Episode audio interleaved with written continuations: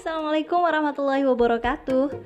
Sore yang cerah ini, uh, sebelum hujan turun, saya akan sharing sedikit tentang The Law of Stupidity. Wow, judulnya sudah awkward banget ya, The Law of Stupidity. Hmm, begini kisahnya. Ada seorang ibu membawa dua orang anak usia sekolah ke pasar yang sangat ramai. Si ibu memakai masker ketat, sementara kedua anaknya dibiarkan tidak memakai masker. Segera mereka bertiga berbaur dengan pengunjung lain, berdesak-desakan di lorong-lorong pasar yang sempit.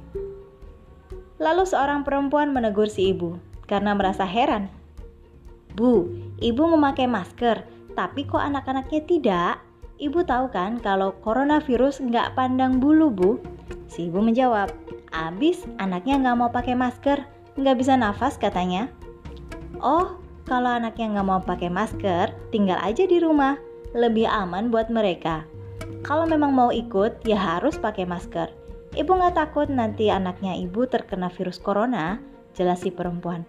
Wah, anak saya nggak bisa diam di rumah. Bisa ngamuk dia kalau saya tinggal.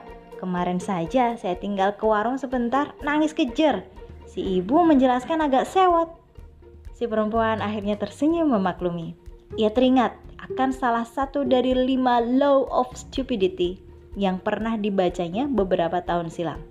Well, here is the explanation.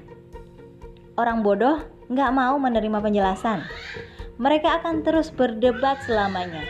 Tidak akan beranjak dari posisinya dan membawa alasan-alasan tak logis demi mempertahankan pemikirannya. Meskipun orang yang mereka ajak bicara itu cerdas, kompeten, serta memberi data-data yang valid.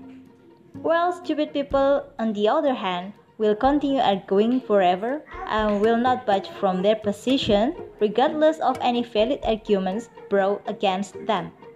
That also means they will not notice if the other person happens to be more intelligent and competent. Jadi, kamu masih saja berdebat dengan orang-orang bodoh. Mark Twain berkata, Jangan pernah berdebat dengan orang bodoh. Mereka akan menyeret Anda ke level mereka dan kemudian mengalahkan Anda dengan pengalaman yang mereka miliki. Thank you.